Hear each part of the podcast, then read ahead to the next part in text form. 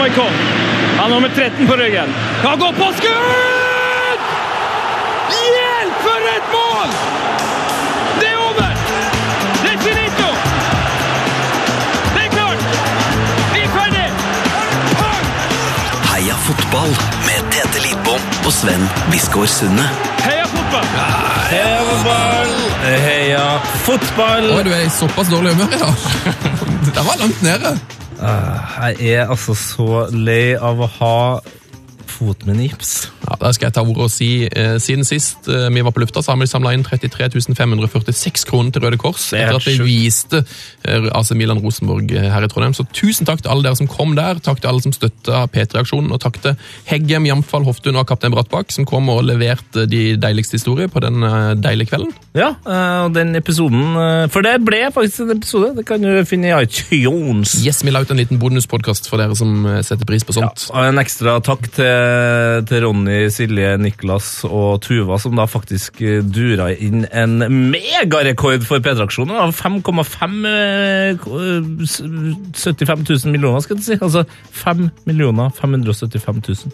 Helt sjukt. Helt sjukt.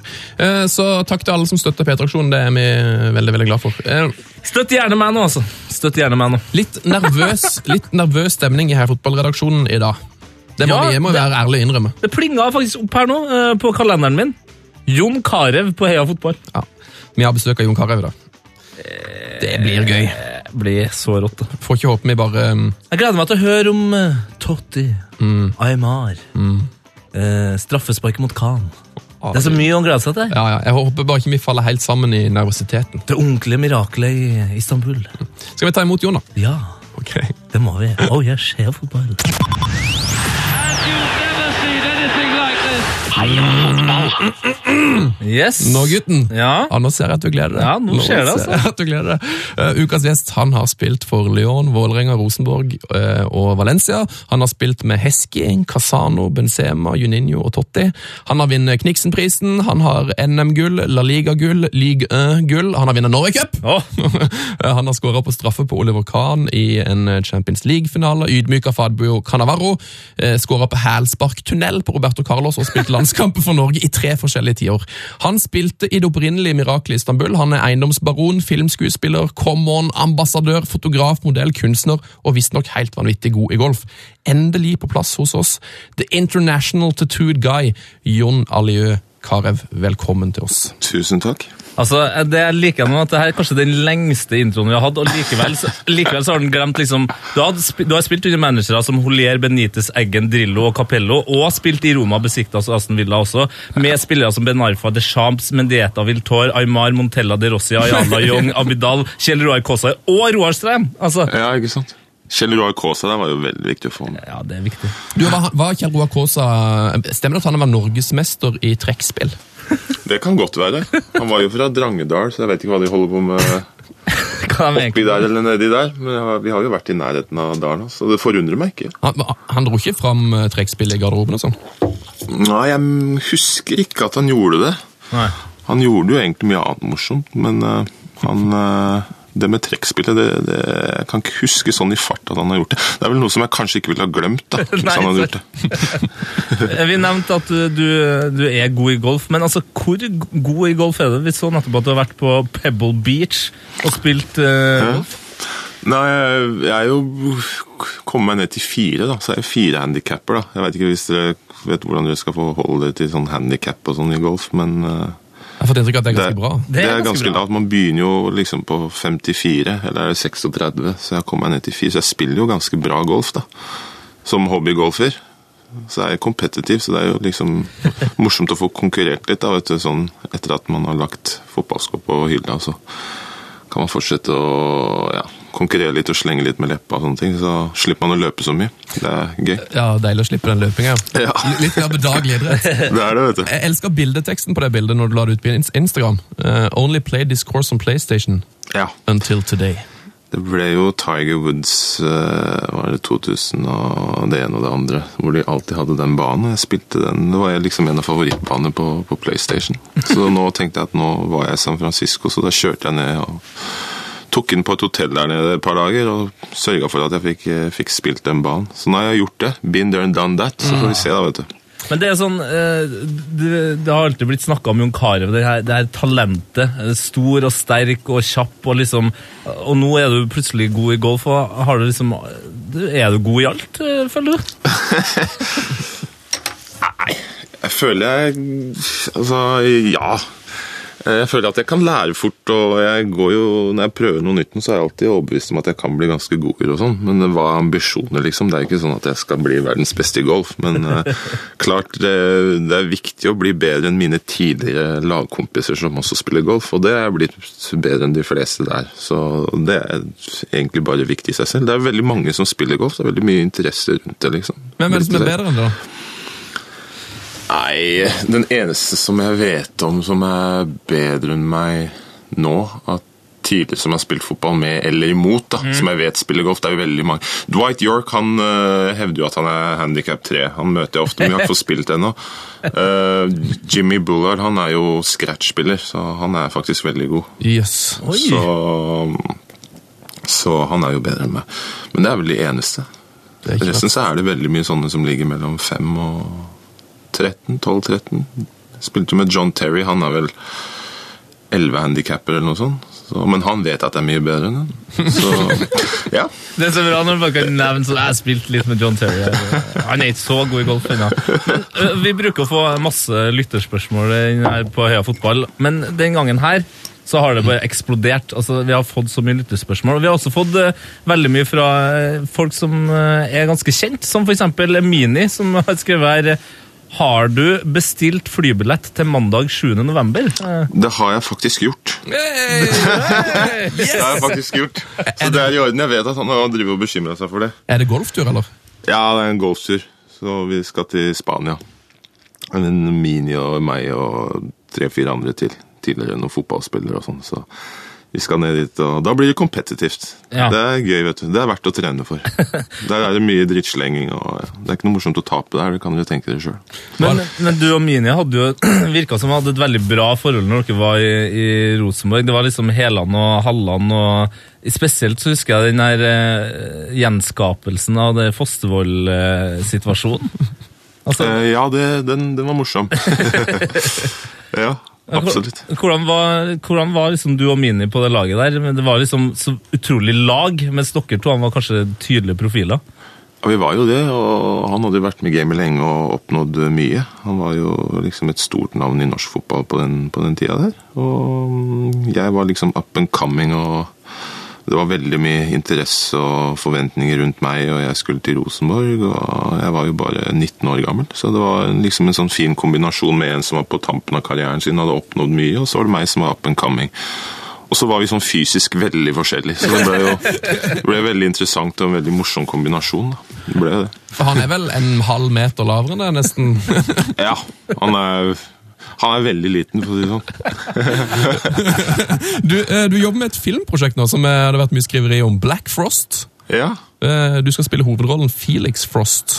ja. Kan du, kan du fortelle noe mer om dette, eller er det sånn der Nei, jeg kan si litt om det. Klart, det er jo Vi er ikke i mål med den ennå. Klart, Det ser jo litt sånn ut som alt er i boks, og sånne ting, men det er noe som vi har jobba med, jeg og en kompis i England. Det begynte der. og som sagt, Jeg har vært interessert i skuespill, men jeg er like interessert i å produsere og skape noe, liksom. Så mm, Og mm, vi har jobba med det her i tre år, og vi har kommet veldig, veldig langt. Eh, eh, Men vi er ikke i mål ennå. Men eh, klart det har blitt litt skriverier, og vi har vært i Cannes og det ene og det andre. Og, mm, og jeg har valgt å fortelle litt om prosjektet vårt underveis her, liksom. Eh, men det er fortsatt eh, litt jobb igjen å gjøre, men det ser veldig lyst ut og vel, fått veldig mye bra folk om bord. Og vi jobber med veldig bra folk i både USA og England og sånne ting. Så, men et filmprosjekt, det tar tid, og alle bitene skal falle på plass før vi liksom er i mål. Og vi er ikke i mål ennå, så Men det ser, det, ser, det ser lovende ut. Så får vi se. Du har beskrevet eh, din rolle som en det, er li- det står at du sa det med et smil, at eh, din rolle er en blanding av Jason Bourne og James Bond, men med bare mer sjarm. Det var vel han derre eh, som jeg satt med. Det var Egil fra Filmhuset som sa det. jeg bare satt der og var liksom, ja.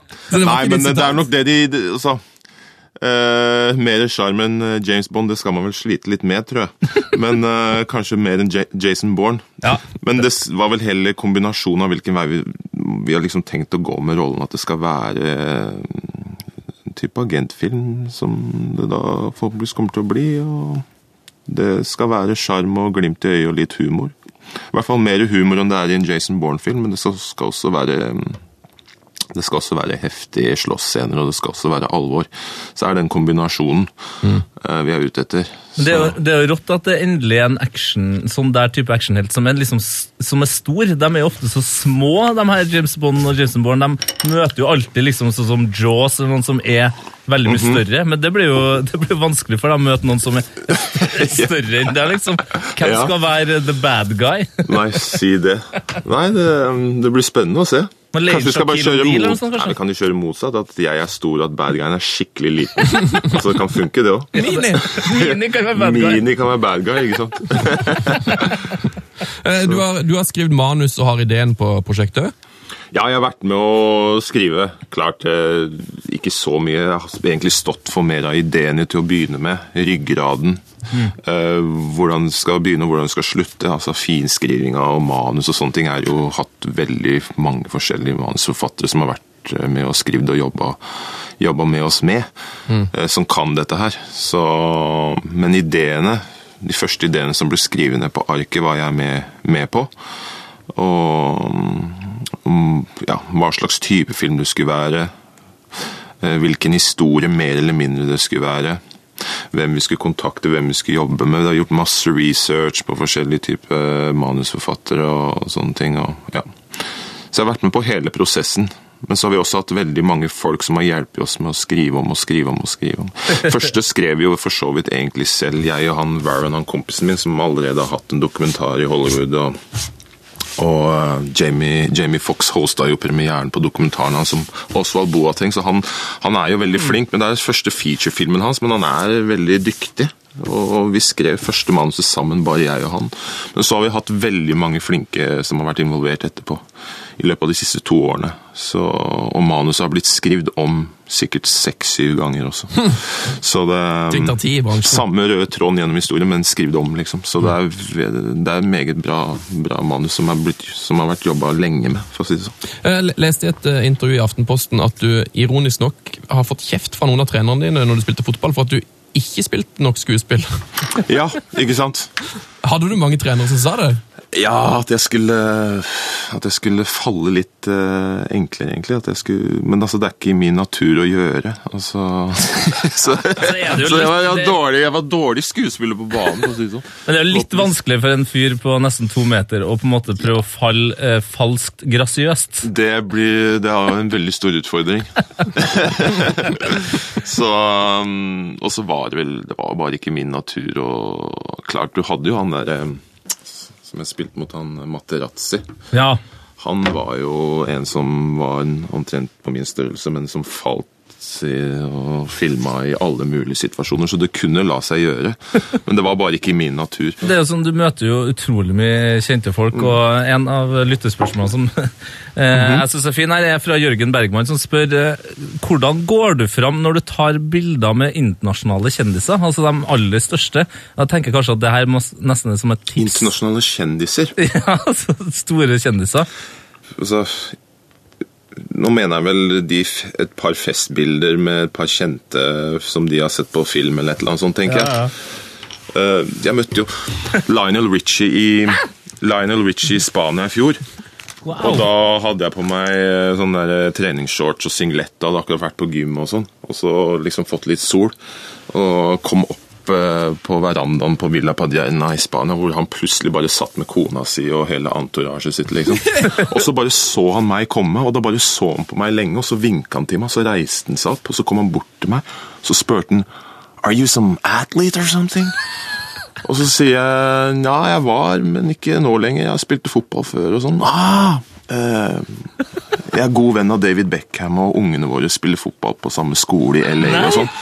Eh, vi må ta et bilde sammen. Ikke sant? Det var jeg som hadde Jeg har jo vokst opp med musikken hans. Og liksom Han er jo min favorittartist ever, liksom. Ja. Og eh, hvis jeg hører for eksempel All Night Long, så får jeg sånne Det er en eller annen sang du har hørt i livet ditt som bare da, da, da, da får du sånne flashback, og du får gode minner fra barndommen og sånne ting. Og All Night Long er den sangen som jeg husker best fra barndommen. Så jeg bryr meg ikke om andre popstjerner, men Lionel Richie han er liksom stjerne hos meg, da. Men han kom bort til meg for å ta bilde. Og da spurte jeg, men da må jeg også få ta et bilde. Så, så ble jeg også invitert til konserten han skulle ha nede i Spania. Der det var en sånn festival. Og så sang han All Night Long til slutt, og da mm, pekte han på meg. Nei! Ja, jeg fikk billett på helt foran, og så pekte han på meg når han skulle synge All Night Long. Nå skal jeg synge All Night Long, siste sang, og så pekte han på meg. Og så smilte han, og så sang han sangen, og da liksom, det var kanskje et av de største øyeblikkene i mitt liv. Og det kom ut av ingenting. Jeg skulle bare ned til Spania og spille litt golf i fire-fem dager. Så Å, det, er, å, Ja. nydelig, men det er også Ja. veldig godt bilde å se. Jeg, jeg bare ser deg liksom forrest på en konsert, Ja. hvorpå der alle sikkert tenker Hvem faen er han sykt høye fyren som står forrest? Og blokkerer, Ja, blokkerer alle bak deg, liksom. Og hvorfor peker Lionel Richie på han, liksom? Å, det er nydelig. Du har jo spilt for Lørenskog, Vålerenga, Rosenborg, Valencia, Roma, Besiktas, Lyon, Aston Villa, Stoke og Westham. eh, og jeg husker så, altså jeg er også, eh, Min mor er fra Norge, og faren min er fra Ghana. Og jeg husker når du slo igjennom, så var det en sånn var sånn døråpner. Shit! Her er det altså en som ligner på meg, som kan liksom eh, som, eh, som spiller liksom så bra fotball. Eh, og Kjente du noen gang på det der at du på en måte var en sånn foregangsfigur på, på akkurat det, det temaet? Ja, jeg kjente egentlig ikke så mye på det, men det ble skrevet mye om det. Så jeg ble jo liksom, Det var jo noe som jeg så som folk sa, journalister skrev eh, i sånne spaltene sine og sånne ting, at jeg liksom var bare mer enn bare en fotballspiller. Jeg kunne samle ditt, jeg kunne samle folk og det ene og det andre. Eh, klart, så Det var ikke noe som jeg gikk og tenkte over viktigheten av, egentlig, for jeg var liksom fokusert på det jeg skulle gjøre. Men eh, klart, eh, det er ikke noe, noe tvil om at eh, jeg på en måte har vært viktig, sånn sett. For, eh, for farga ungdom og muligheter og ambisjoner, og at eh, det går an å få det til. og At de har vært stolt av meg, og at jeg har betydd mye for dem. Jeg har jobba på Ungdom mot vold også, vet du, sammen med Farid Boras også, hvor jeg har vært og møtt eh, en del ungdom. og uh, Prata med de og sånne ting. og det, det er ikke noe tvil om at det jeg har fått til og oppnådd som fotballspiller, har betydd veldig mye for dem. og for troen på seg selv og for at det faktisk er muligheter. Det, kan være en tøff hverdag for mange av dem, og de kan føle seg veldig urettferdig behandla. Men at jeg er der, og at jeg har fått det til, og at jeg er mørk i huden eh, At jeg var den første mørke fotballspilleren på, på det norske landslaget, er egentlig ikke viktig. Det skal egentlig ikke bety noe, men samtidig så betyr det en del for noen allikevel. ikke sant? Ikke sant? og sånne ting. Så klart, etter hvert som jeg har blitt eldre, så har jeg blitt mer obs på det også. Men eh, klart, når jeg var veldig ung, så ble det skrevet mye om det, men det var noe som jeg også var liksom for ung til å henge meg opp i i en alder av 17-18-19 år. Og, mm, men det lå der, og det lå der litt sånn i bakhodet mitt, og klart etter hvert så er det noe som jeg ble mer og mer var på. Viktigheten av det. Du var på, altså, jeg husker når du var 17 år, så var du på forsida eh, det største fotballbladet i Norge, Bladet Fotball. Eh, fordi at du herja for Lørenskog. Og når du var altså, Jeg var 15. Det var 1995, det var 1995 der. Ikke sant? Og du, altså Det var liksom skriveri om det når du kom til Vålerenga, når du gikk til Rosenborg, når du gikk til Valencia. liksom eh, Du var jo som du sier, ekstremt ung. Hvordan, hvordan var det å på en måte være Jon Carew oppi alt det der eh, vanvittige ståket? Nei, jeg nøyte liksom. Jeg hadde jo hatt eh, drømmer og ambisjoner og var veldig bestemt på hvor jeg ville og, og sånne ting. Og mm, jeg syns liksom oppmerksomheten var Det syns jeg bare var gøy. Og det er vel bare flaks og tilfeldighet, da, fordi hadde jeg ikke likt det, så hadde det sikkert gått utover det jeg holdt på med, men jeg liksom nøyt oppmerksomheten, alltid ambisjoner om å bli enda bedre. Få enda høyere status, bli enda mer kjent, ikke sant, alt det der, men det var ikke det liksom Altså, Jeg tenkte ikke på det å bli enda mer kjent og bli liksom superstjerne her oppe, det var ikke det, men det var, det, det var ikke noe som skremte meg, da. Nei. Så. Så hele tida neste steg, neste steg, neste steg. Spille mot de beste. Overbevist om at jeg var god nok. eh, Overbevist om at jeg skulle klare å få det til. Og eh, jeg gleda meg til å være i den posisjonen. Eh, Det var da å være i en europeisk toppklubb og spille Champions League og spille mot de beste. Og, og spille bra mot de beste, prestere mot de beste. Jeg gleder meg til å være i den posisjonen. Men altså, du, spil, du spilte i Nå har vi nevnt de her klubbene, det er jo så mange klubber. Men hvilken klubb var det du egentlig endte opp med å like best? Altså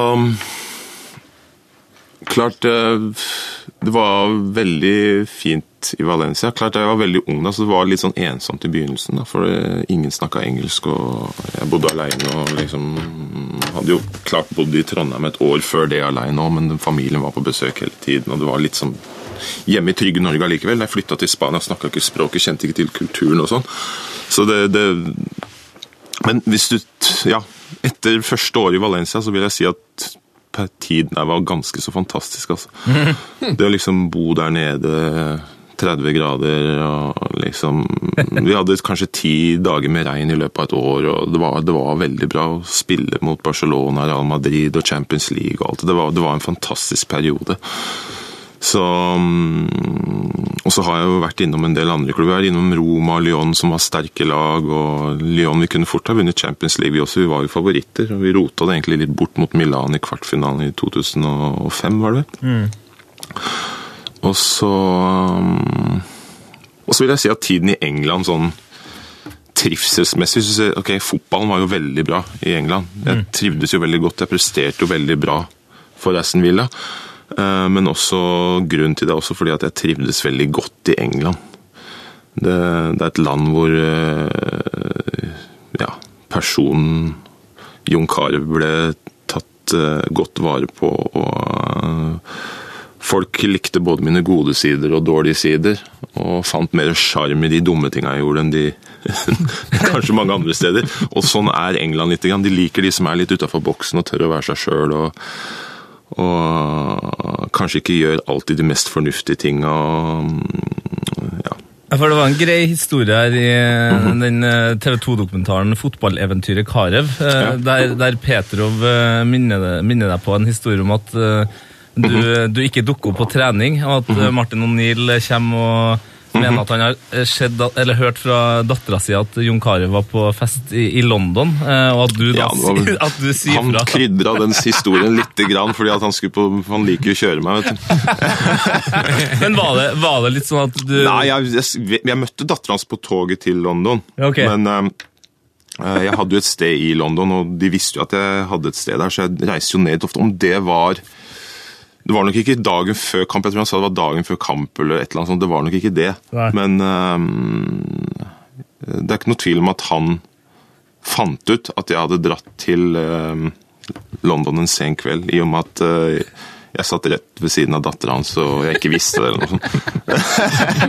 Men det jo, Så, det jo ja. Men det var liksom Det var på en måte mer greit å gjøre sånt i, i, i England Ja, enn det var de andre uten plassene? tvil. Saken var at O'Neill var jo en genial manager sånn sett. Da. Han øh, visste hva Han var flink til å forstå hva de forskjellige spillerne trengte for å være lykkelig. For Mm. at han skulle kunne be dem om å gi eh, 100% Sette nakken sin på spill, for å si det sånn, på en, på en lørdag. On a Saturday, som de sier. Så han var veldig flink til å gjøre de riktige tinga der, og jeg, så lenge jeg leverte og jeg var god, så fikk jeg muligheten til altså, Ikke helt eh, galskap, men altså til en viss grense. Da, så fikk jeg lov til å gjøre de tingene som gjorde meg lykkelig. Det, han var jo veldig klar på sånne ting. Da, at liksom eh, Han sa jo til oss gutta f.eks. hvis vi skulle spille på lørdag, vi skulle spille mot eh, Arsenal borte f.eks., så kunne han si at eh, hvis eh, hvis dere eh, vinner i dag, så får dere fri til torsdag. Til torsdag? Ja, ja. Oi! Og hvis dere taper i dag, så er vi inne på mandagen. Og det var helt seriøst, helt alvorlig. Det var ikke noe sånn, og det var veldig lett å forholde seg til. Og ikke noe sånn eh, mind games sånn sett i det hele tatt. Hvor du ikke visste hva som skulle skje i neste øyeblikk, og alle spillerne var usikre. Det var veldig enkle ting å forholde seg til. Vin, vinner dere nå, så får dere fri til onsdag eller torsdag. Det skjedde veldig ofte. Tre-fire dager fri. Uh, hvis dere ikke vinner, så er det inn på mandag. og det ble normalt for oss etter hvert. Og det ble også sånn i forhold til sånn altså, Til de enkelte spillerne, og til meg også, bare meg mellom meg og Neil, så ble det litt sånn at liksom, hvis jeg sto på 100% og hvis jeg skårte jevnt og trutt, så fikk jeg friheten til å liksom Ja, gjøre en del av de tingene jeg hadde lyst til å gjøre. Så lenge jeg leverte. Hvis det gikk to kamper hvor jeg ikke skårte, så forandra det seg med en gang. Så det var liksom Det var veldig enkle regler å forholde seg til. Mm. Og der var han veldig flink og veldig smart. Og han, han gjorde det veldig bra med Aston Villa. Jeg vil si at han er en av de beste managerne som, som jeg har hatt. For han uh, gjorde ikke ting så veldig inn- innvikla. Du hadde Drillo, Capello, Eggen, Cooper, Big Sam, uh, Holier, Benitez. Altså, du har hatt noen helt fantastiske managere. Hvem var det som, uh, hvem var det som, var, som på en måte passa deg dårligst av disse her? da? Holier passa meg dårligst. Holier? Ja. Han var, var han mer Nei, ikke dårlig trener eller noe sånt, men en um, Jeg føler at Altså, du har sikkert spillere som likte han veldig godt også. Det er ikke det. Og det var han som henta meg til øh, Lyon, og første tiden var jo alt veldig bra. Men øhm, jeg følte at han var en manager som ikke ville ta ansvar selv, og skjøv spillere foran seg og brukte media hvis ting gikk dårlig, så skyvde han da enkeltspillere foran seg for å spare seg selv. Det har jeg aldri opplevd at en manager har gjort, men han gjorde det flere ganger. Og Det gjorde at jeg mista respekt for han, og det gjorde at mange andre mista respekt for han. Han var ikke sterk der, da. Og mm, hvis du skal være en manager som skal ha garderoben, så, så kan du ikke gjøre det, liksom. Det blir alltid problemet til syvende og sist. Om det så heter José Mourinho, altså. Hvis du over tid begynner å skylde på spillere, så går det til dundas, liksom. Men Holier har aldri klart takla den, takla den, takla den biten der. Og problemene begynte når han gikk ut i avisene der nede. Han, han, han sa ikke noe stygt om meg, men det var jo noen andre spillere. og så begynte det å skje ting på treningsfelt, og så er jeg den typen som hater urettferdighet og folk som ikke blir behandla sånn som de bør. Så jeg er jo ofte den som da sier ifra først, og det er ofte måttet svi for. Ehm, I hvert fall når det gjelder Holier, så måtte jeg svi for det. Både i Lyon og i Aston Villa så var eh, problemene et resultat av at jeg sto opp for en lagkompis. Så sånn er det bare. Men det får jeg ikke gjort noe med, Sånn er jeg skrudd sammen. Du, du spilte med to ganske enorme talent i Lyonau, Benarfa og Benzema. Kan du, kan du si litt om hvordan det var, det var å spille med dem når de kom opp der? Altså, De var jo dritgode. De var vel 17 år, 17 år begge to. Og Benzema og Benard, altså, De dominerte jo treningene. Altså, Vi var jo ansett for å være favoritter i Champions League. Altså, Det var liksom dårligst odds på oss liksom, hvis du skulle tippe på vinneren Champions League. Det var helt sykt. Så um, um, Og de herja på trening. De var så gode. Uh, Benarfa trodde jeg faktisk skulle bli enda bedre enn han ble. Fordi at han var umulig å ta ballen fra. Han var 17 år og han kunne dra av fire-fem mann på trening hver eneste dag. Og vi snakker om blant de beste spillerne i Europa. Han kunne dra av spillerne hver han kunne dra av fem-seks stykker når han ville. Ben Arfa, Benzema hadde en av, noen avslutningsegenskaper som jeg knapt har sett. Så jeg visste jo at de kom til å bli fantastisk gode spillere. Um, at uh, Benzema skulle bli kanskje få en så mye større karriere enn det Ben Arfa hatt. Det hadde jeg ikke trodd, til syvende og sist. Men begge to kunne blitt uh, verdens beste spillere. Begge to er litt sprø i huet. Det har du sikkert lagt merke til. Ja, det, Ja. det er det ingen tvil om. Uh, men som, had, som sagt så hadde Benzema en litt annen rolle. Han var ren spiss. Han skal bare skåre mål. Han trengte ikke være så kreativ som Ben Arfa. Eh, og han hadde alt det på plass allerede da. Og så hadde han også en litt annen ro over seg enn det Ben Arfa hadde. Altså Benzema visste jeg 100 kom til å bli en fantastisk stor spiller. Eh, Ben Arfa håper jeg bare fikk orden på hodet sitt og løp litt rundt som en hodeløs kylling iblant. og var litt sånn. Eh, Men han hadde liksom de tekniske ferdighetene til å bli også en av verdens beste spillere. Det er, eh, men det var morsomt å se. Det er morsomt å, liksom, å kunne være med og se dem fra, fra starten av. Benzema sin første skåring i Champions League var jo mot Rosenborg. Stemmer det! Ja. Og det var hans første kamp fra start en av de første kampene hans fra start, og han fikk muligheten. Og det var jo jeg som la opp til den skåringa. Så Du satte i gang eventyret. Ja, så jeg kan jo skryte på meg at uh, første skåringa til Benzema i Champions League, den, uh, den var det jeg som uh, Jeg gjorde mesteparten av jobben der. Han skulle jo bare sette den i åpent mål, nesten. Vi har fått et spørsmål fra Lars Kjernås eh, Ja. på Twitter. Han spør om har du noen gang spilt en bedre kamp enn semifinalen bort mot Viking i 97. Ja, jeg vil vel påstå at jeg har spilt eh, noen kamper på det nivået i ettertid også. Så, men nå veit jeg at den kampen er Den var veldig spesiell, og klart eh, Det er veldig gode og varme minner. Og, og starten på et uh, lite eventyr der. Og Lars Kjernås var en del av det, og jeg vet at uh, det er sikkert uh, et, en, ja, det er et veldig godt minne i hjertet hans. Noe som holder veldig varmt, og som betyr mye for han også. Ja. Det er, så, men jeg har spilt noen gode kamper etterpå også. Ja, altså, ja. Men for sånn, siden Lars Kjernås spør nå, da, Ja. og han sitter sikkert og hører på, så må jeg si at det, det, det, det, det, jeg har ikke spilt noe bedre kamper enn det. Vi sier. I ettertid. Det er den beste. Men da må, da, må, da må vi jo nesten utfordre deg for ni år etter. Altså Ja. ni år etter. Eh, det her er broren til Sven eh, sin favoritt-Karev-minne, tror jeg. -hmm. Da latterliggjorde du jo faktisk verdens beste spiller det året, Fabio Cannavaro, i Champions League for Lyon mot Real Madrid. Altså, du... Det fins et eh, to og et halvt minutters klipp på internett som er noe av det Du ser ut som en blanding av uh, Jon Carew, uh, Zlatan og Hulken. og, og Hulken. Ja, den, eh, den, det stemte bra, den kampen der. Det var eh, Det er noen sånne kvelder eh, hvor alt bare sitter, liksom. Det er ikke så lett å sette fingeren på hva som gjør Klart jeg var i fantastisk god form og topptrent, og liksom matchvekta var det Alt var bare så bra, liksom. Jeg hadde flydd eh, Jeg hadde løpt oppå gresset på trening i flere uker i forveien. Så klart jeg visste jo liksom, og så kommer du til Jeg har, jeg har spilt veldig mye gode kamper på Bernabeu, da. Du har, Fordi spilt, du har skåra mye mål mot Real Madrid. ja, jeg har skåret fem stykker eller noe sånt. Det er liksom, det er et eller annet med Den store at kampen, eller? jeg liker de store kampene, de store ja. Ja.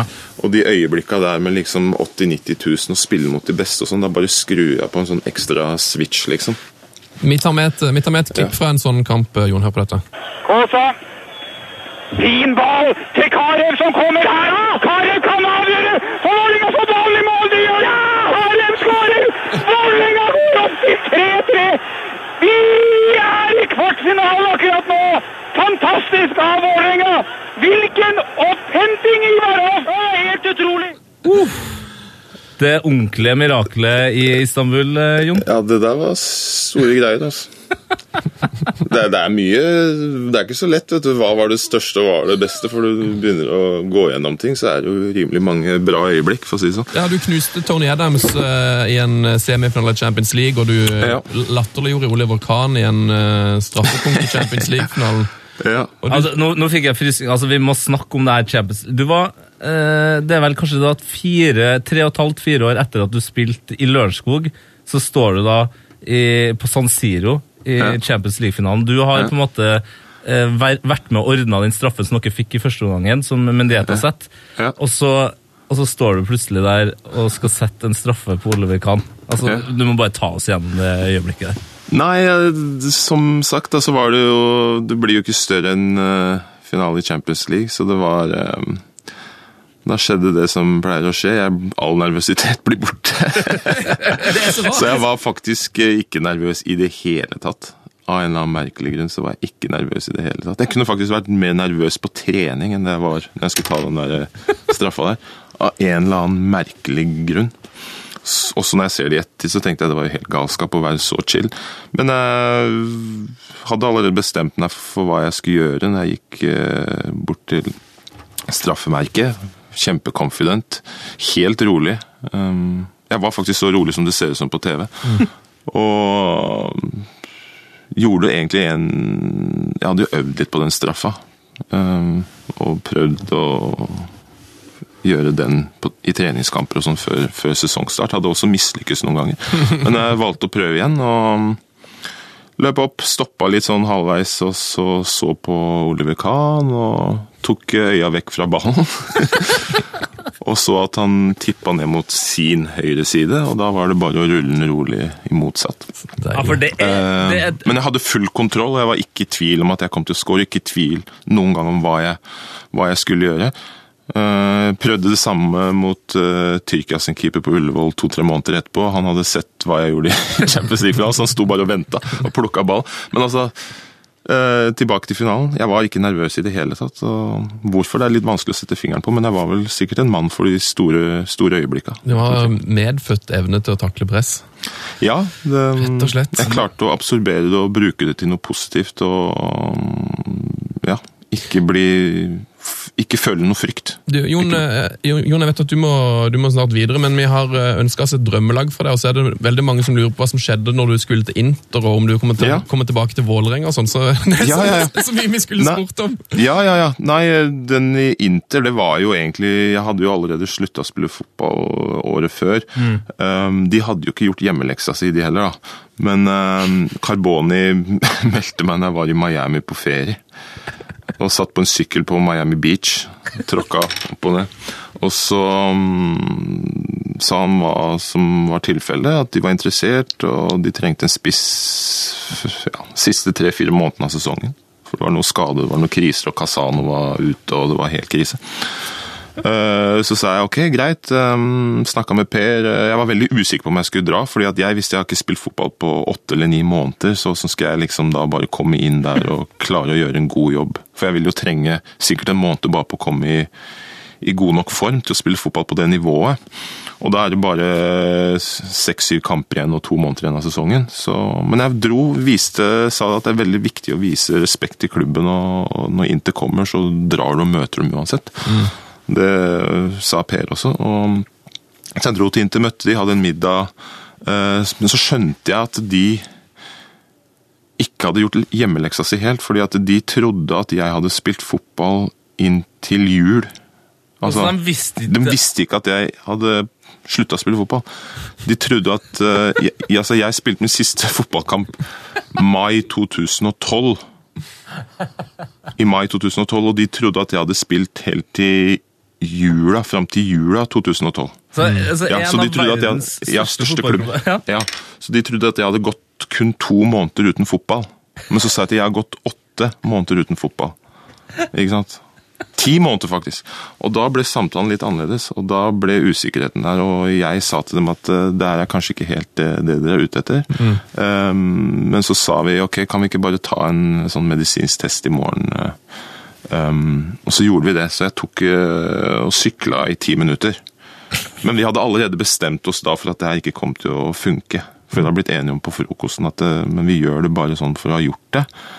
Um, og så var det egentlig mer snakk om hvordan vi skulle løse mediebiten. Så, så um, det var egentlig aldri aktuelt så fort de fant ut at jeg hadde vært uh, utafor fotballen i nesten ti måneder. Og for min del, så altså det de sa var at vi vil gjerne ha deg klar til kampen mot Juventus om to uker, og da ble jeg bare sånn der Jeg ble jo nesten litt sånn skremt, liksom.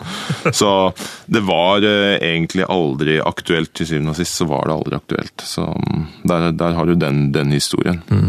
Er det aktuelt å ta, ta noen kamper for Vålerenga eh, nå, da? Jeg tror ikke jeg har så veldig mye å bidra med. Da trenger jeg veldig god tid til opptrening, i hvert fall. Skal aldri si aldri. Jeg er 37 og Uh, Totti er jo over 40. Han Ja, men han har liksom aldri stoppa, han, vet du.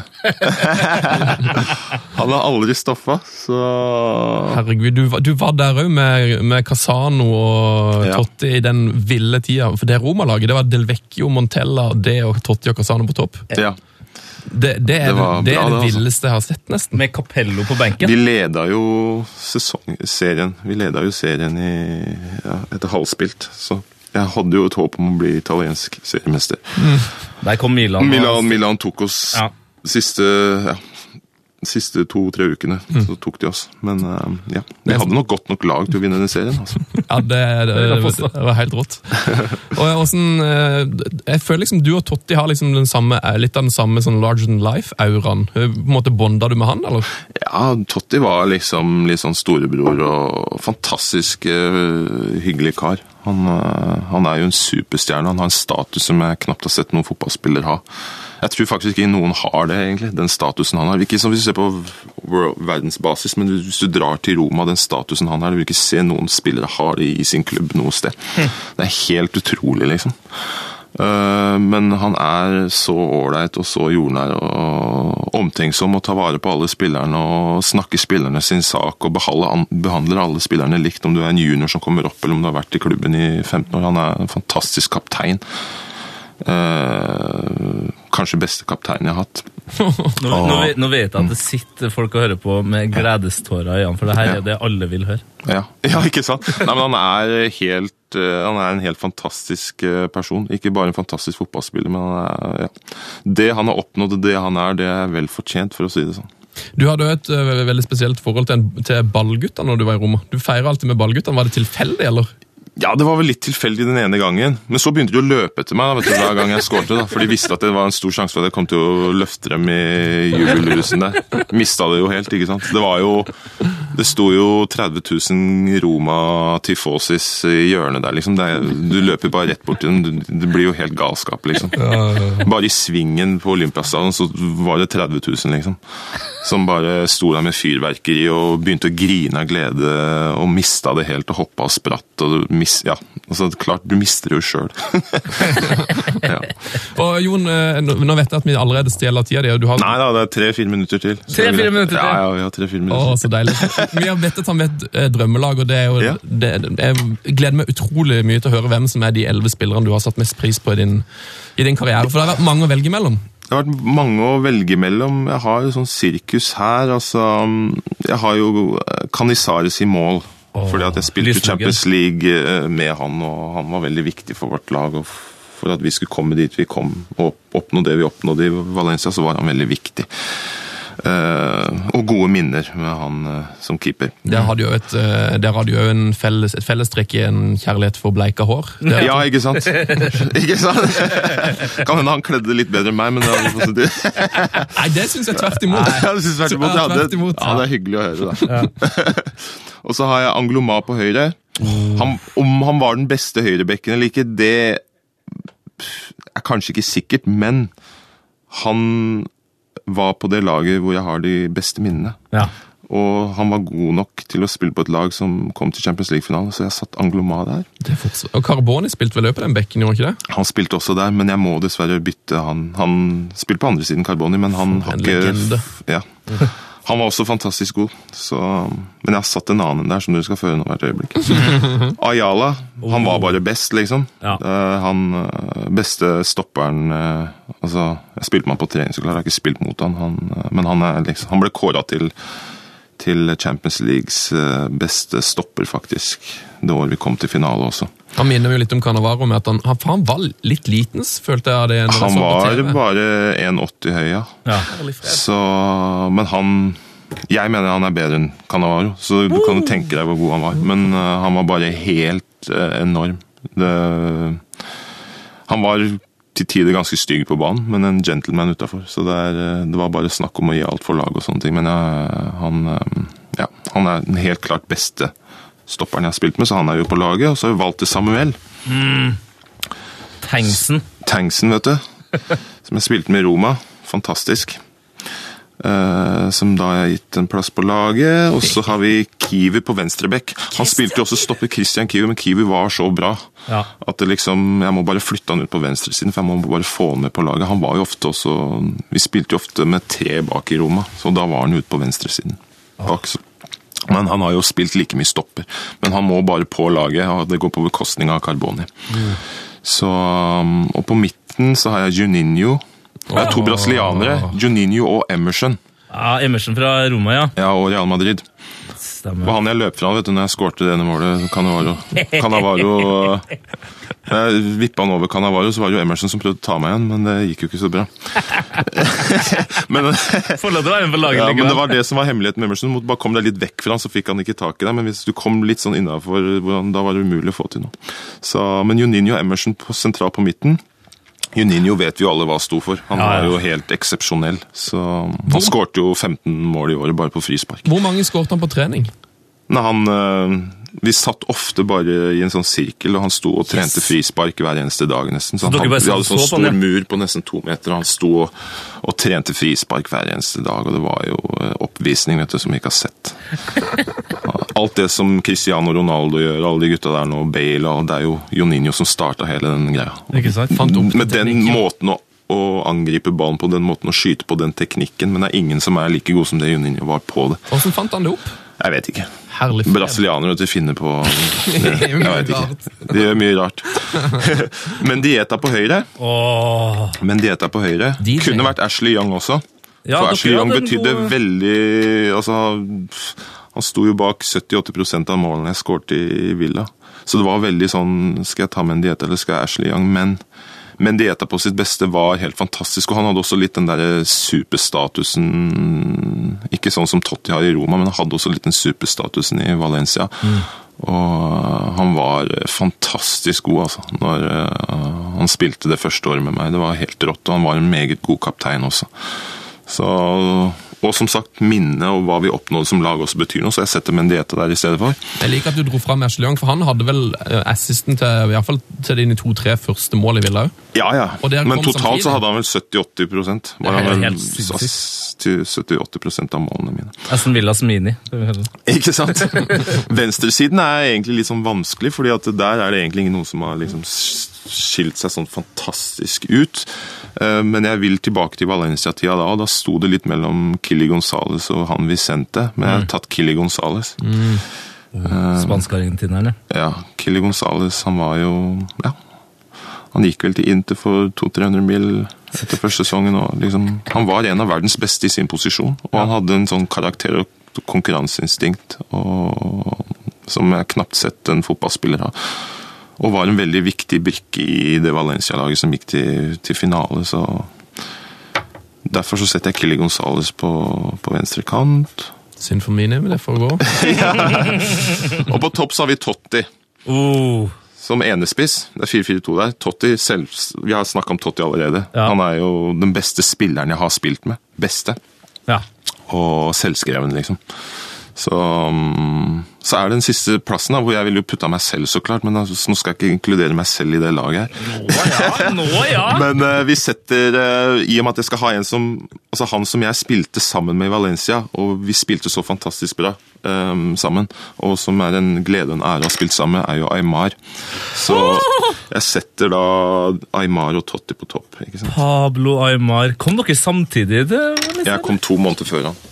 For det, det må vi bare kjapt før det går nå. Når, Ja. når du gikk til Valencia, så, så, så sier du i denne dokumentaren eh, Ja. uh, som TV 2 sendte, at du tjente nest mest for laget.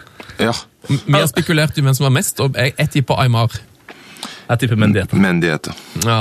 Men, men hvordan er det å være 20 år, komme til en helt ny, svær klubb, og så tjener du er det liksom, Legger du merke på andre med Jeg var jo, som sagt, jeg var ikke nervøs under Champions League-finalen, så du kan tenke deg hvor lite jeg brydde meg om at jeg tjente nest mest.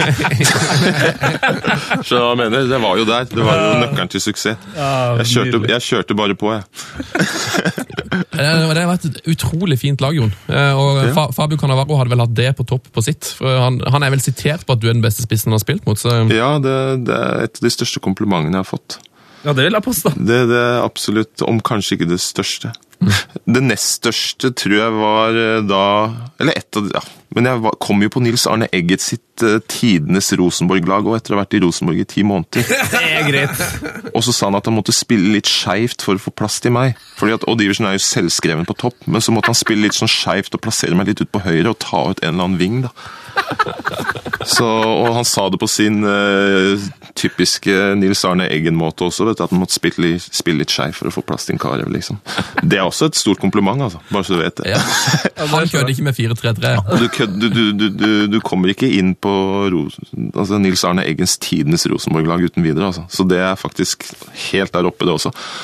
Men uh, klart, det ordene fra Fabio Cannavaro, den legenden han er, den statusen han har, det han har oppnådd, og at han har vært verdens beste spiller Når han sier at jeg er den, den vanskeligste han har spilt mot, så er vel kanskje det et eh, kompliment som topper alt. Det er ikke noen tvil om det. Men nå, nå har ikke jeg lagt merke til om du har vært med på noen podkaster før, men er det sånn at det er mulig å, å, at Jon Carew syns at det her er den beste podkasten han har vært på? eller? Uten tvil. Uten tvil. Ja, det er konge. Jo, Jon Carew, helt utrolig hyggelig at du kom, og at du Hyggelig. var her ti minutter lenger enn avtalt. Og lykke til møte og lykke til med film, og så håper vi at eh, du kommer tilbake en gang du har tid til å prate mer. For det, vi har altså eh, 1000 spørsmål som vi lurer på. Ok, da kommer jeg tilbake, vet du. Gull! Ok, Fint, det. Ha det, Jon! Ha det bra. John Kerry John Kerry John Kerry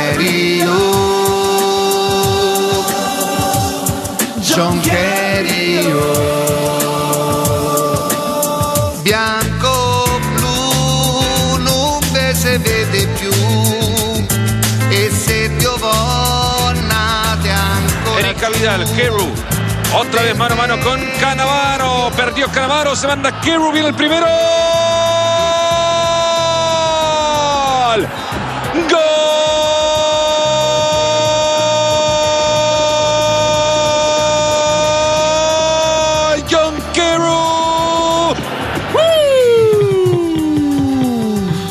Jon Carew, eller Jon Aliu Carew, vi fikk ut snakka altså det her, Vi kunne egentlig hatt en eh, 40 minutters shit, det rakk vi ikke nå. Eh, vi må jo bare tu, altså, takke alle som har sett inn masse spørsmål som vi dessverre ikke rakk eh, å stille.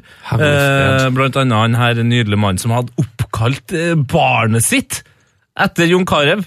Husker ikke helt hvem det var, det skal jeg sjekke om jeg klarer å finne. Ja, og eh, altså, det er jo så mye vi ikke fikk snakka om. Altså, den Rosenborg-tida når de Altså, de vant gruppespillet i Champions League. Mm. Han var jo med i den der eh, Ja, det altså, Rosenborg-laget. Rosenborg-Dortmund-kampen.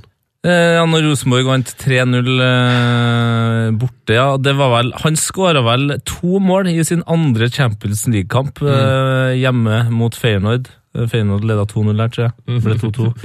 Det er greit. Det er det, altså, det er det som er litt sånn artig med Jon Carew, føler jeg. Eh, fordi han var så unorsk, både i liksom væremåte, eh, spillestil, eh, og det her, altså, at han var en klubbnomade. Mm. Som Christian Vieri, på en måte. Han ble hylla for det her eh, reiselivet sitt.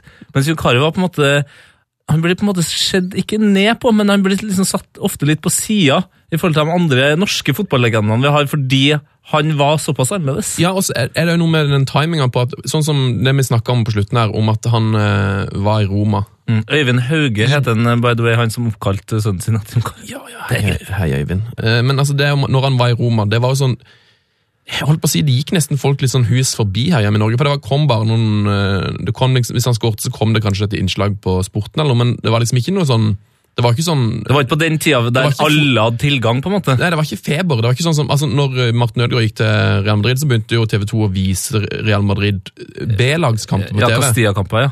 Mens, ja, ja. eh, men når Carew var i, i, Roma, som var kanskje det beste laget i Italia, sammen med Totti og Casano og liksom, Han ble jo en folkehelt der nede. Det var, det var liksom ikke så mye snakk om det. Nei, og det er på en måte det Selv om du nevnte det i åpninga, så er det sånn alle husker kanskje at han var med i Champions League-finalen og tapte den med Valencia. Valencia. Han vant jo La Liga året etter! Det er, det er litt sånn Han har vunnet La Liga. Kom på andreplass i, i serien.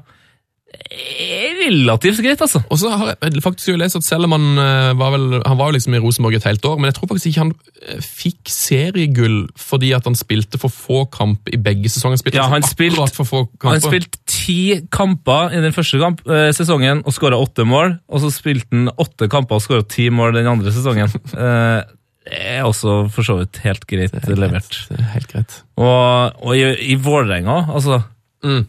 For en spiller han var der. Ja, nei, vi, vi må få Som tilbake førstedivisjonslag så vant han altså da cupfinalen. Der var jeg! Den cupfinalen Var var du? Yes, og det var fr bitende, bitende, bitende kaldt. Det var bitende kaldt. Eh, En annen ting òg som eh, ikke vi fikk eh, spilt for Jon, det var jo Jeg det har- spilte jo den eh, John Keriu-sangen her i Ja, den, den er vakker, men det finnes jo en legende, en Aston Villa-legende, som har laga ei topplåt, altså. Well, he's the kind of guy who's Villa through and through. He's big and he is strong. He is over six foot two. He plays for Aston Villa. We always chant his name. He also plays for Norway and reached the height of fame. His name is John Carew. He's bigger than two of you. He scores a goal or two or three or four or more. Um, he's bigger than the two of you. Nei, det er, vi får håpe at uh, Jon får tid til å komme tilbake i gang, altså. Det syns jeg absolutt, og det virka jo som han eh, koste seg på slutten der. Ja, ja, ja, ja. Setter jo, setter jo selvfølgelig pris på mitt ekstremt retoriske spørsmål, uh, hvor han avslutta med å si at det var den beste podkasten han har vært på. uh, vi hadde et herlig, Apropos retoriske spørsmål. Vi hadde et sånt sinnssykt fint lytterspørsmål som gikk på um, hvem som var den beste spilleren han hadde spilt med. Ja, det er fra, um, fra Garmangora. Eh, Garman på, inst, eh, nei, på Twitter. Hvem er den beste medspilleren du har hatt, og hvorfor er det Ørjan Berg? Det er deilig. Vi- kan vi bare ta eh, vi, har, vi fikk et veldig rart, men fint eh, lytterspørsmål som, som vår venn Kristoffer Rambøll spurte. Kan vi bare, bare ta den som en sånn siste Jon Carew-historie før vi går videre? Yes. Fordi det jo, fungerer jo som en historie òg. Mm.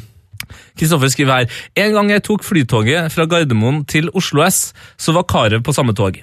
Tror det var sommeren 2015 eller 2014. Det var i hvert fall varmt, for han gikk kledd i utringa T-skjorte og lyse, hullete jeans. Som eneste passasjer gikk han av på Lillestrøm stasjon og tuslet alene bortover perrongen. Han hadde verken koffert eller håndbagasje, kun en bitte liten oransje plastpose. Da lurte jeg på, hvor har Jon vært nå? Dette lurer jeg fortsatt på innimellom. Fint hvis dere kan spørre ham. Beklager på forhånd hvis det ikke ble god radio. Det ble jo ikke noe av det i det hele tatt, men du fikk i hvert fall eh, fram denne historien, så eh, nøst opp i det neste gang. Jeg tror Jon Carew er en sånn type som bare reiser, reiser fra Miami til Norge, så gidder han ikke pakke. Nei, men han har jo eh, home everywhere. Ja, Han har sikkert en leilighet eller to uh, i hver eneste by. Det går digg å bare kunne reise med en oransje plastikkpose. Lurer på hva han hadde oppi der. Sikkert noe, noe ville kontrakt eller noe, noe golfbøker. Hårvoks. Hårvoks. Hårvoks, kanskje. Du, eh, Skal vi ta imot litt uh, post og brev, da, kanskje? Å, skal vi rett på Porsche Brage? Eller vil du snakke om Rune Edøy? Jeg vet du dør etter å snakke om Rune Edøy. Jeg er ganske hypp på å snakke om Rune, Rune Edøy. Han fortjener masse plass. Heia fotball! Oh yes! Yes, eh, Heia fotball er programmet. Veldig hyggelig at du hører på. Og vi må rett og slett eh, si gratulerer til Kristiansand ballklubb. Ikke Som- Kristiansand. Det er greit at du er fra Sørlandet, men eh, det er... Sa jeg Kristiansand? Ja, du gjorde det. Fy. Nei, jeg mente jo Kristiansund! Riktig. Ikke for uten grunn. Eh, har eh, gjort seg klar for uh, Tippeligaen, og da hørtes det mm, Vi kan jo bare høre hvordan det hørtes ut når de rykka opp, for de har jo da altså en kommentator, en sagnomsust kommentator, Ja, ja. som heter Rune Edøy, som Han hater ikke Kristiansund.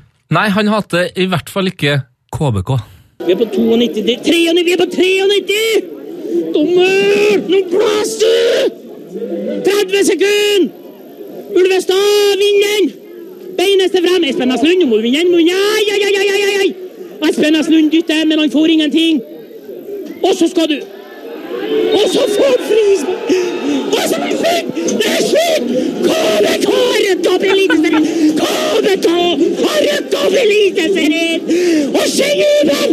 Kjetil igjen! Han kommer i frispark! KBK har rykket opp i Eliteserien! KBK i Eliteserien! Kristiansund ballklubb! Kristiansund ballklubb! Spiller Eliteserien 2017!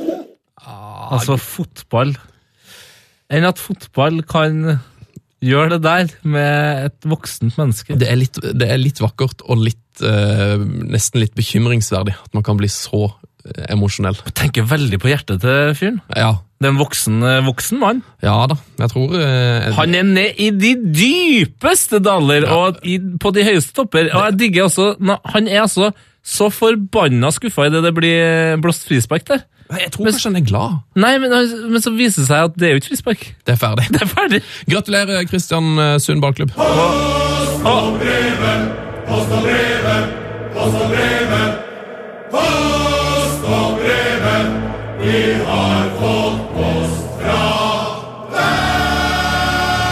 som jeg prøvde å si før jinglen kom på, gratulerer masse til Sandefjord, som også rykket opp og vant Obos! Ja, ja, Ja, ja, må du, eller det er ikke sikkert de vant, da. Det, det er vel én kamp igjen, og de ligger faktisk A-poeng med um, Kristiansund. Fått en eh, mail fra min eh, gode kollega Torkil Risan. Ja, Tork. Torkil har sendt oss en eh, Det er vel kanskje ikke det programmet engang. en, Vi har en eh, sånn intern eh, fotballmailtråd her på jobben. Ja. Hvor Torkil har sendt oss en fin mail i dag, hvor det står her er topp ti-listen over Premier League-spillerne med lavest toppfart. Med lavest toppfart, ja. ja. Hvem er det som på en måte løper treigest når de spurte? Antonio Oi. Valencia er vel kjent for å være blant de kjappeste. Ja, Bellerin er vel kanskje den kjappeste. Ja, han Eh, det var vel en sånn. Traoré nå som knuste Bellerin. Som sprang, han sprang så fort eh, Han sprang opp i godt over 37 km i timen, noe som vil si at eh, hvis han hadde sprunget 6 meter, så hadde han eh, sprunget under 10. Ja, det er greit. Eh, og Jon Carew, det glemte jeg å spørre om. Jeg tror han òg har satt noen eh, sånne fysiske rekord opp igjen. Som eh, Visstnok uh, kjørt error på en sånn mas maskin nede i Lyon der. Ja. Eh, men hvem tror du er den treigeste, Tete? Den treigeste i Premier League akkurat nå Jeg kan eh, si at Craig Gardner og Andy King ligger på 9. og 10. plass. Ja, det- overrasker meg ikke. eh, Det overrasker meg ikke. Jeg har jo selvfølgelig eh, Vasilevskij har han spilt i år. Fordi, fordi han Han er ganske tung, altså. Ja, men jeg tror alle bekker er litt raskere enn du tror, for de spiller mot så mye kjappe spillere. Du må faktisk ha en del fart for Ja. å overleve den posisjonen. Selv om Vasilevskij av og til ikke helt overlever, da, men Ja. Så man må egentlig på midten, er det du prøver å si? ja, det, altså, Gareth Barry ligger på åttende, Lucas på sjuende. Så er det en superspiss fra en av de tre-fire største klubbene i hele England som ligger altså på femteplass. Som er kanskje den mest sjokkerende her, vil jeg si. Giroud. Yes! Yes, er det det, eller? Oliver Giroud. Yes. Toppfart på 29,19. Ai, ai, ai. Eh, Treigeste er Charlie Adam. Charlie Adam! Syns jeg er helt, det er helt riktig. Det, ja, det var nesten litt behagelig at det ikke var en overraskelse der. jeg. Det er Peter Crouch og Hal Robson Canoe og Oliver Giroux som er spisse på denne lista. Men hvordan klarer Peter Crouch å være så trygg når han er så, når han er så lang og tynn? Altså mye, mye eh, knokler å dra Ja. på, tror jeg. Mer sener enn eh, muskler. Eh, vi, må, vi må bare kjapt eh, Nei, vi er jo post og brev, vi er ikke på nyheter. Nei da, jeg tar et brev fra Herman Kirkenes. Hei sann, gutter. Jeg har omsider kommet meg tilbake til Heia Fotball. Skjønner ikke helt hva det betyr, men han har kanskje hatt en periode hvor han ikke har fått hørt på oss. ja, kan be be be beklage det. Og har i løpet av de siste par dagene hørt alt fra februar til august. Oi, såpass, ja. Dette ga meg inspirasjon til å forsøke meg å sette sammen et lag basert på tull, nemlig Krydder Exi. Krydder-Exi, ja. Det er greit. Det her, altså Sånne her lag, morsomme lag, det er kanskje noe av det triveligste jeg, jeg kan få i min innboks. Eh, Herman har altså sendt en e-post til oss, heiafotballkrøllalfa.nrk.no. Det kan du òg gjøre. Vil du høre hans uh, krydder Exi, Tete? Ja, gjerne. Få det på. I mål Kapers Schmeichel. Kapers Marshall. Er, kaper, er kapers krydder? Ah, I dag er det det. ja, det er greit. Eh, så har du da den eksklu ekstremt eh, eksklusive bekken, da. Juan Safran. Oh, det er det dyreste krydderet, det. Timian Klause. Mm. Den, her, den her liker jeg godt. Pepper. Peper, ja. Peper. Eh, David Alaba Silikum. Tony Kroos Persille. Yes! Emre Kanel. Emre Chanel. Kanel. Keisuke Alehonda. Raheem Sterling er fær, Salt Icazorla Cazorla og Robin van Persille. Det er noen folk på benken her, eller? Ja da, Lionel Piffi sitter der. Lionel Piffi! Rosmarin Barkley og Danny Rosépepper. Å, Å, herre Til min min. Med da. Takk for super podcast. Hilsen Herman. Takk for at du hører på, Herman. Takk for kuddelekser. Skal vi ta noe brev mer, eller skal vi gå Ja. videre? Ja, Har du noen flere brev? Jeg har fått en rettelse fra Jonas Bjørneklett. Ja. Hei! Kommentar til lørdagens radiosending. Mm. Vi er jo nå på radio òg, på, P- på P3 på lørdagen fra 12 til 2. Dumt. Og forrige lørdag for, lørdag for snart to uker siden, så klarte jeg å si eh, at jeg trodde at det bodde sånn litt under 200 000, kanskje 190 000 mennesker på Færøyene. Ja, der tror jeg jeg prøvde å stoppe deg, men eh, ja. Færøyene er jo nå langt foran Norge på Fifa-rankinga. ja. Gjør det meget bra. Eh, men Jonas kan informere om at Færøyene har 50 000 innbyggere. Det er bare 20 000 mer enn San Marino. Ja. Så det Det er vilt, det! ja, det er sånn 25 000 mer enn det som bor i Molde, liksom. Ja, ja, det er som Ålesund. Ja. Ålesund på sommeren. Ja. Altså, det er Mandal på en varm sommerdag kan Ja, det være 50 000. Ja, det er 50 000. Herre mm Eh, Nei, da skal vi gå til noen nyheter, kanskje. Ja, eh, bare kjapt eh, her. Eh, Cotilla på, på Twitter. skriver Kotilla. Ja, Kottila, eller Cottilla. eh, Det blir vel mer Kottila, ja. Ja, Kottila er vel en, det er en brannreferanse, ja. Han har skrevet I Magnus Devold-episoden fra 2014 Oi! spår du nærmest at Brann blir topp tre ved retur til Tippeligaen hvis de rykker ned. Det har jeg da visstnok sagt i en, eh, i en to år gammel podkast. Wow! Så eh, gjør som bl.a. blant annet Mathias Norvik har gjort. Gå inn og sjekk ut den podkasten, så hører man at eh, jeg har en bestefar som heter Jorolf.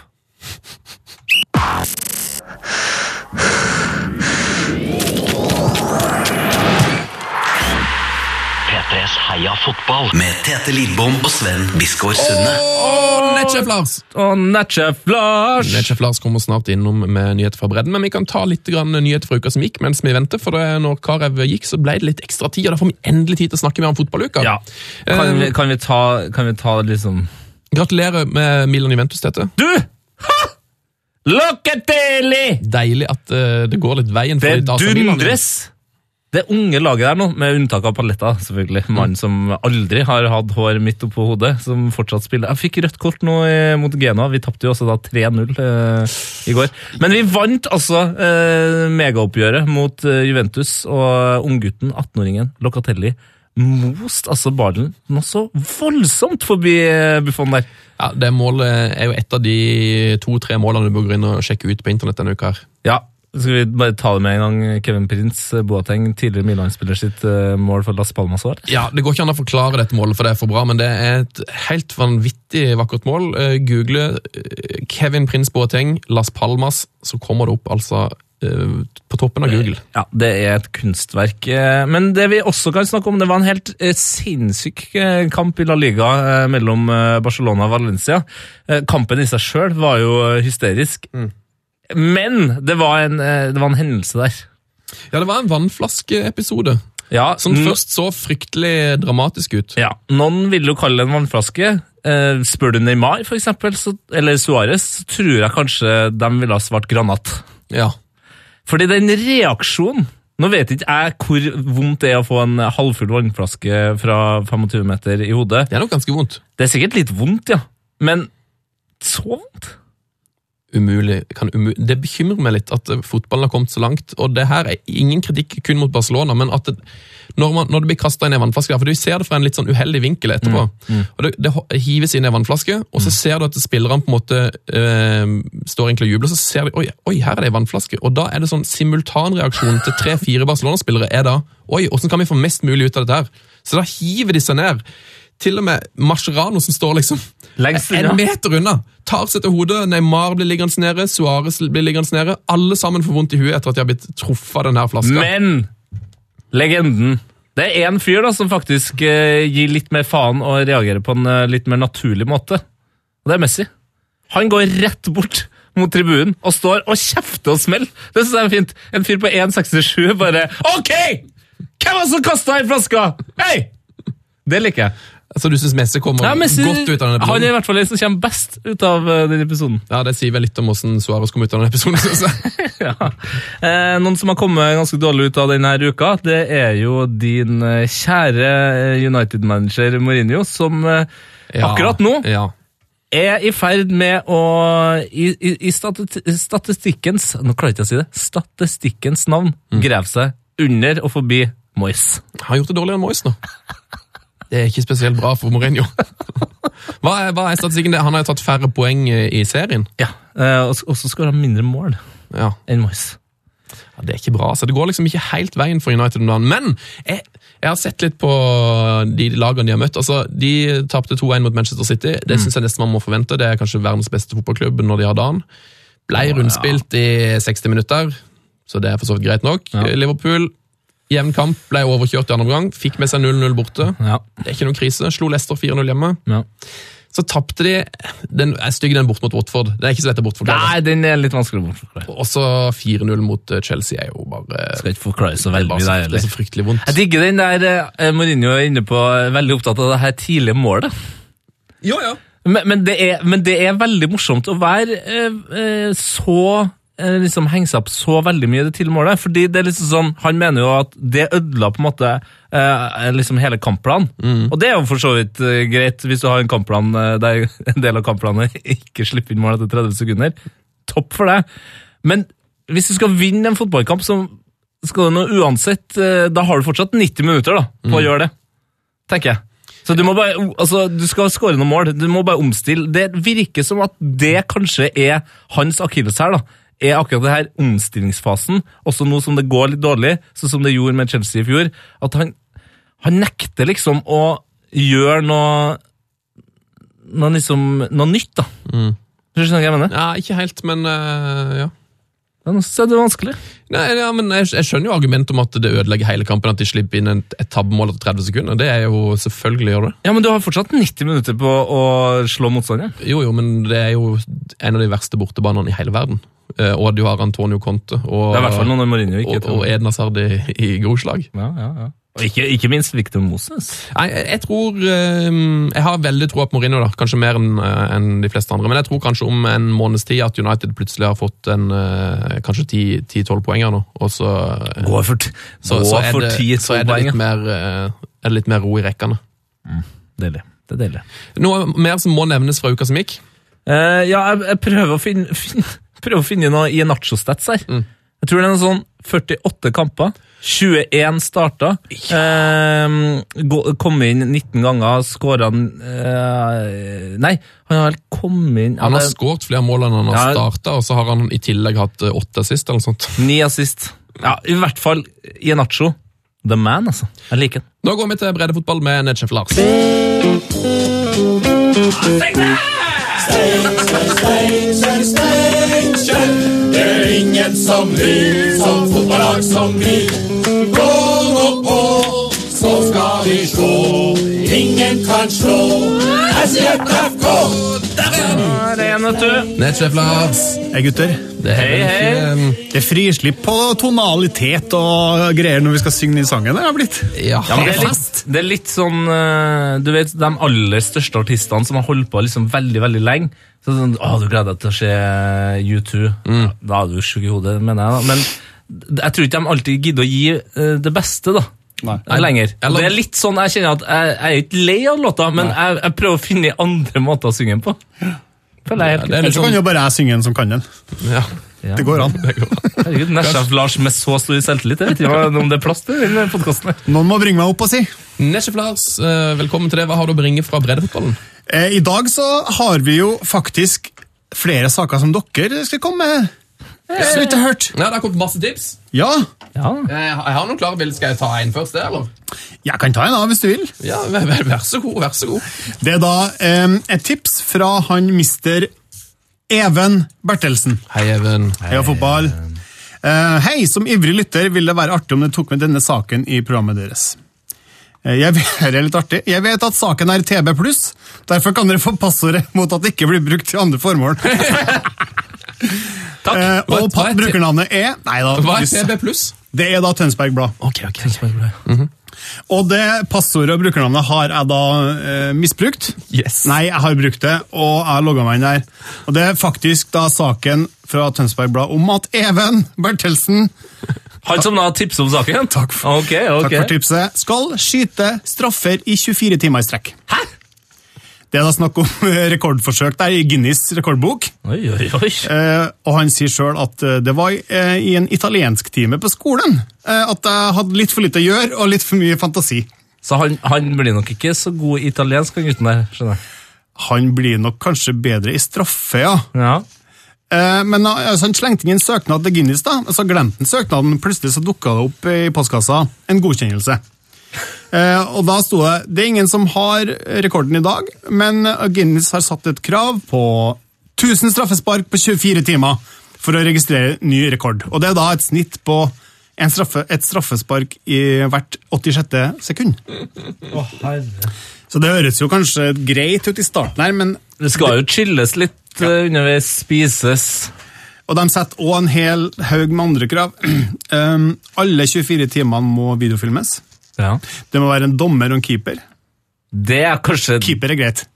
Å, herre. Eh, Men han kan jo bytte, han kan bytte keepere, da. Um, det er mulig. Ja, det skal, ja her står det. Eh, straffene skal tas som en reell kampsituasjon. Eh, det må være to vitner, og det må føres logg over hvor mange eh, straffer som skytes, og hvor mange som går i mål. I tillegg krever rekordselskapet at ingen av funksjonærene jobber mer enn fire, strekk, eh, fire timer i strekk. Ja, for jeg, jeg sier at En ting er å være keeper og en ting er å være straffesparkskytter, men å være dommer i 24 timer det på straffespark Det høres utrolig kjedelig ut. Og det, eh, saken er ferdig, men kan jo bare nevne at i Vestfold så har de flere obskure rekordforsøk. For oh, ja. at eh, I samme sak da, så står det linka til en Hei, du må også lese om 51 år gamle Steinar Grading som prøver å registrere 13,5 cm langt brysthår i, Guinness rekordbok. Gratulerer med det. Eh, skal jeg ta en breddesak til, som jeg har fått fra Jørgen? Ja, gjør den det. Ja, eller vil dere ikke høre det, eller? Nei, jeg bare sitter klar med min, altså, en av yes. mine første breddesaker. Ja, men Da kjører vi Ja, det er veldig kjapp. Olav Ni melder TV 2 skåret flere mål mot sitt eget lag. Hedres da med Fairplay-pris av NFF. Det viste seg sånn at eh, Olav og hans eh, lag skulle eh, spille mot Trane. og så var, viste det seg at Trane var ikke nok spillere. Så Olav han meldte seg frivillig han, og gikk over. Og ikke bare spilte den. Han skåra masse mål. Ja, det er altså nydelig! Er det lov? Ja, det var tydeligvis lov, og de ble til og med hedra for dette. det synes Ja, jeg. Nymark-spilleren eh, Olav øh, Husker jeg faktisk ikke etternavnet. Det er kanskje, men han skal kanskje passe på det her ni, niåringene. Ja, må kanskje det. Kjempebra. Jeg hører rykter om at du har gjort noe lignende. Sven. Jeg, gjorde, jeg har spilt for motstanderlag en gang òg. For Frøysland 2 eller noe sånt, når vi var, spilte sjuerfotball da jeg var liten. Jeg var heldigvis ikke så god at jeg skåra. men, men jeg husker jeg skjøt i stolpen, og det fikk jeg massiv kritikk for fra min lagkamerat. Du hadde ikke feira hvis du skåra mål? Nei, det hadde blitt tricky. Det hadde blitt vrient. Så Det um, har vært litt mer sånn som Chadli når han skårer mot Tottenham. At du smiler, men Chadli er god nå. Ja. Oh, Chadli er god. Ja. Har du mer for Brenn, Lars? Uh, nei. Nå kan du kjøre Sven. Ja, Jørgen Tangen har skrevet en veldig fin uh, breddesak uh, om uh, NHO, nei, NHH sitt tredje lag, altså Norsk Handelshøyskole i Bergen sitt tredje lag i bedriftsligaen. Em, gutta fra NHO fikk andreplass i år, med null i målforskjell. Lagets beste plassering noensinne. Så det, det er god tid for NHH3. Gratulerer. Men så kom antiklimakset. NHH2 de rykker ned fra femtedivisjonen. Og ettersom man ikke kan ha to lag fra samme klubb i samme divisjon, Nei. Det betyr det at NH, NHH3 må ta den tunge turen ned til 7. divisjon, til tross for andreplass og tidenes beste plassering for laget. Så de blir ditcha av sitt eget førstelag på en måte, da? De ødela for seg sjøl. Ja. De har tydeligvis feilprioritert litt og har hatt litt for gode spillere på tredje lag og litt for dårlige på andre laget. Men det her burde ha vært mulig å legge, merke til litt før brannen eh, var i full blomst, tenker jeg. Ja, kanskje. Det kan du godt si. Utrolig altså, Det hadde klikka for meg hvis jeg hadde vært på NH3 her. nå. Ja, det er klart det hadde klikka for det. Forbanna. Jeg ser jeg er forbanna nå. Det er helt idiotisk. Skal vi gå til Glory Hall? Orker du det? Jeg, I dag kan jeg love en eksepsjon... Ja, men hva skjer, da? At andrelaget ødelegger for tredjelaget på den måten? Det skal Det er jo, det er jo helt Det er jo Ja, men det skal... skal, kan bare bytte! Det skal- Det, kunne man gjort. men det skal sies, da. Ja. At den divisjonen til NHH2 den er ganske rar, for de kom på fjerde sisteplass, men det var et, et lag på bunnen av Skansens ballklubb som tydeligvis har trukket seg, så de kom egentlig sånn fire plass fra, fra bunnen. Så det var bare rett og slett ekstrem uflaks, tror jeg. Orker vi Glory Hall, boys? Ja, bredden kan altså helt åpenbart også irritere, men la oss bare ta turen til Glorion.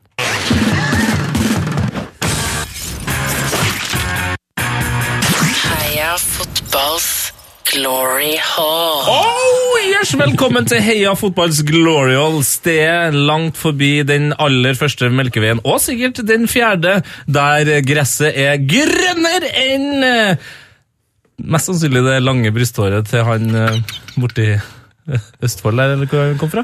Eh, Der hyller vi altså de fineste, rareste, beste, nydeligste fotballspillerne.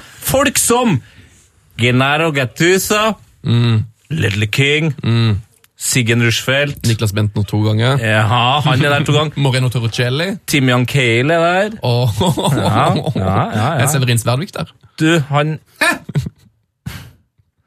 Nei. Han kommer nok der ennå. Severin Sverdvik hadde, hadde navnedag denne uka. Det gratulerer vi selvfølgelig masse med. Et av våre favorittnavn eh, der, altså. Er det god stemning eller i her på ja. Jeg blir glad av å se at Mika Ballak og Guti i Glorian, i hvert fall. ja.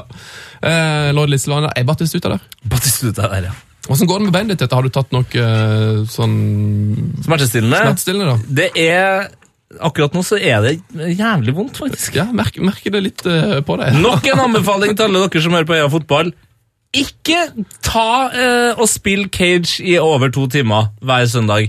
Og ikke prøv da på eh, oversiktsfitte, for nå har jeg altså revna tre muskler og i hvert fall én scene i leggen. Det kan jo være en tanke for han stakkaren som skal ta straffespark i 24 timer. Ta det med ro. Det kan være farlig. Det kan ryke noe lyske der, tror jeg. Ukens Glory Hall den, er, den skal leveres fra nettsjef Lars. Ja, ja, ja, ja, ja, min første opplesning. Det er Er det det? tidenes første bredd, breddehold. Er det ikke nesten det? Ja, det er vel bredd... Ja Ikke Altså, langt ifra. Ikke langt ifra. Vi har kanskje bredda i et par, men Vent litt.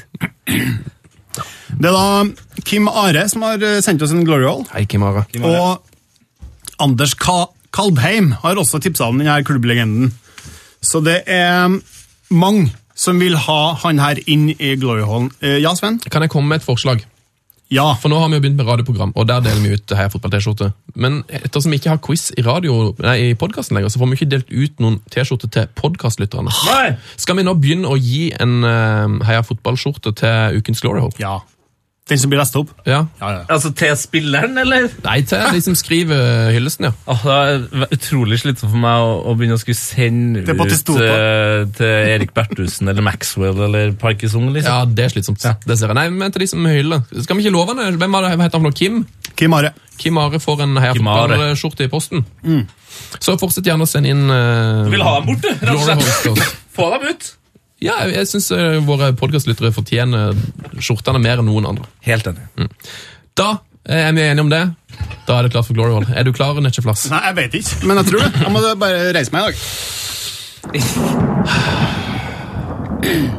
I fotball nevnes Gerrard, Giggs og Maldini som eksempler på trofaste klubbspillere med millionlønninger. Det finnes menn som overgår dem her lett. En av dem her har vært medlem i klubben i sitt hjerte siden 60-tallet. Han debuterte for klubbens A-lag i 77, i daværende tredjedivisjon. Med det ser vi starten på en rekord som aldri vil bli overgått i norsk klubbfotball. På veien får vi et cupeventyr. 21. oktober 1979. Haugar mot Viking i cupfinalen. Haugar i hvitt, Viking i blått. Stillingen er 1-1. Det er spilt 62 minutter, et innlegg fra venstre. Haugars 20 år gamle midtstopper Jens Egil Vikanes tar sats. Og stupedde ballen i mål! Cupfinalens flotteste sjølmål er skåra. Haugar taper. Vikanes er med på klubbens videre opptur, hvor de slår sveitsiske Sion, men taper for John Aldrich i Newport i E-cupen. Han er selvsagt med når Haugar spiller på øverste nivå i 81. Tross kun åtte tap på 22 kamper endte det dessverre med nedrykk. Nedturen til Haugar starter, men Vikanes gir seg selvsagt ikke. Jerv 1919 og Haugar fusjonerte og dannet FK Haugesund. Haugars A-lag starta opp igjen i 7. divisjon, og Vikanes tok etter hvert ansvaret som spillende trener og førte klubben opp fra 5. til 3. divisjon. I april 2008 senda- satte han en rekord som kanskje aldri vil bli overgått. Omsider har Haugar en rekord som utelukkende er positiv. Glemte tapene 7-0 i cupfinalen mot Fredrikstad og 15-2 mot Hødd i gamle førstedivisjon! Vikanes blir den første i norske fotballspillet som har spilt i obligatoriske kamper i samtlige norske divisjoner for samme klubb. I tillegg til å spille alle rundene i cupen, fra kvalifisering til å få delta i første runde til selve finalen.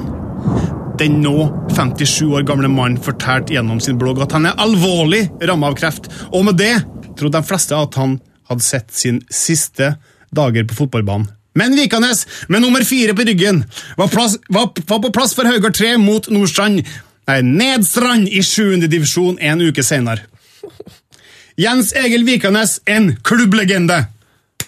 Og nå i Heia Fotballs Glory Håp. I alle dager, altså! Wow! Det ble litt, det ble litt tungt og rørende på slutten her for meg, men eh, For en karriere. jeg har spilt i alle norske divisjonene.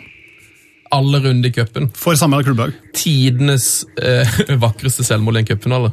Og nå en velfortjent plass i her fotballstory. Gratulerer. Strålende lest, Netchef Ja, Stokka seg litt eh, innimellom der, men det- eh, det er jo min første. Det, er jo, det har jo jeg og Sven gjort nå i over 100 episoder. Så det, Ja, det der var langt over snittet. ja. Langt over snittet. Langt over. Tusen takk for at du hørte på Her Fotball. Eh, Det er helt strålende at dere gidder det. Vi er tilbake eh, neste uke. Det er vi. Og så må vi bare si god helg, da. Og heia fotball. Oh, yes. Frank de Boer speelt de bal. Heel goed naar Dennis Bergkamp. Dennis Bergkamp. Dennis Bergkamp neemt de bal aan. Dennis Bergkamp. Dennis Bergkamp. Dennis Bergkamp. Dennis Bergkamp. Dennis Bergkamp. Oh! Frank de Boer speelt de bal naar Dennis Bergkamp. Die neemt de bal feilloos aan. En ik schiet de bal erin. We spelen nog officieel 20 seconden. Dennis Bergkamp. P3s Heia fotball. Episode hver fredag. Last ned din nye favorittpodkast på p3.no podkast. P3.